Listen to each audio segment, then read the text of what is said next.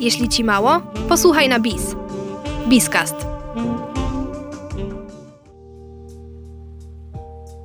Śluz od DC. Recenzja serialu Potwór z bagien. Kamil Serafin. Czyta Artur Wołowiec. Seriali z uniwersum DC jest tak wiele, że trudno znaleźć osobę, która nie zetknęła się dobrowolnie lub mimowolnie z przynajmniej jednym z nich. O jakości tych produkcji można by napisać wiele. Poza liczącym już 8 sezonów Arrow, który zapoczątkował całe to średniej jakości uniwersum, trudno wskazać jednak jakikolwiek tytuł, który nie byłby kolejnym średniej jakości tasiemcem, powstałym jako zapychacz czasu antenowego kolejnych stacji telewizyjnych, chcących się pochwalić nowym, superbohaterskim widowiskiem w portfolio. Szkoda, że kiedy takowy wreszcie się pojawił, twórcy zdecydowali się ukręcić mu łeb jeszcze zanim pierwszy sezon ujrzał światło dzienne. Zapewne sądzili, podobnie jak wielu widzów, że potwór z bagien nie ma nawet śladowych szans na sukces. Czas pokazał, jak bardzo się mylili. Swamp Thing zadebiutował na kartach komiksów już w 1971 roku.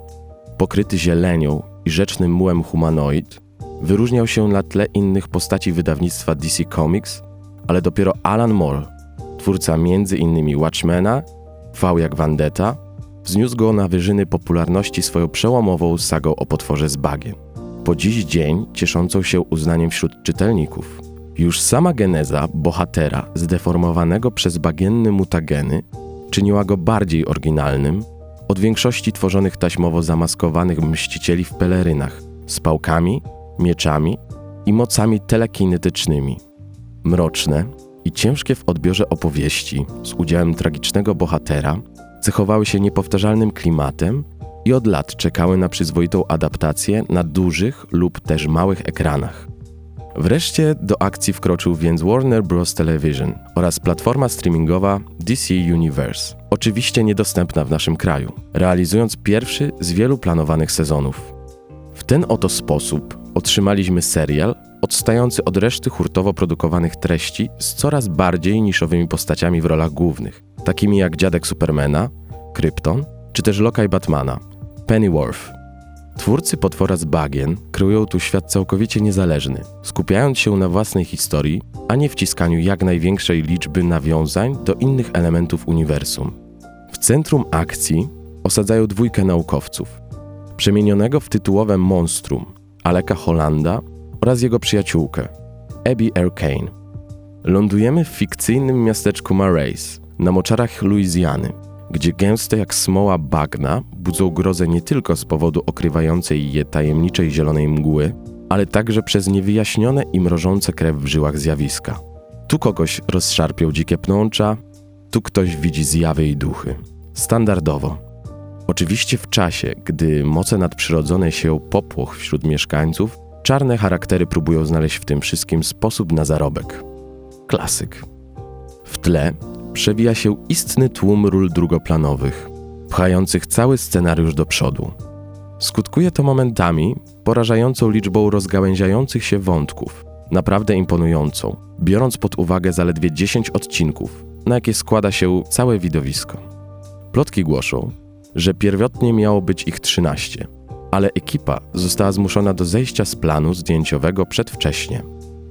Ciężko się w tym pogubić, jednak wyraźnie widać, że wiele motywów tworzonych było z myślą o rozwinięciu i domknięciu ich w kolejnych sezonach.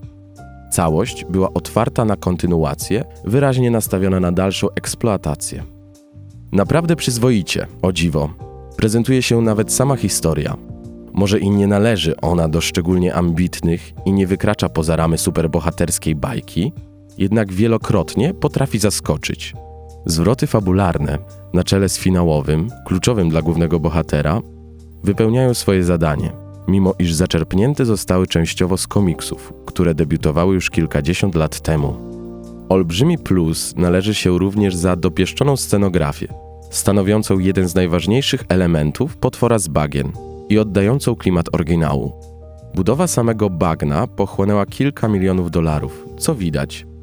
Marais i jego mieszkańcy tworzą niepowtarzalną atmosferę, zaś sam, pokryty gęstą roślinnością Alec Holland, wynurzający się z wód moczarów, wyposażony w zbroję z praktycznych efektów specjalnych, bez niepotrzebnego komputerowego liftingu, to widok warty zapamiętania. Anulowanie serialu było ogromnym zaskoczeniem, zarówno dla widzów, twórców, jak i samej obsady. Powody nie są znane, ale mówi się o budżecie, który znacznie przekroczył pierwotne założenia.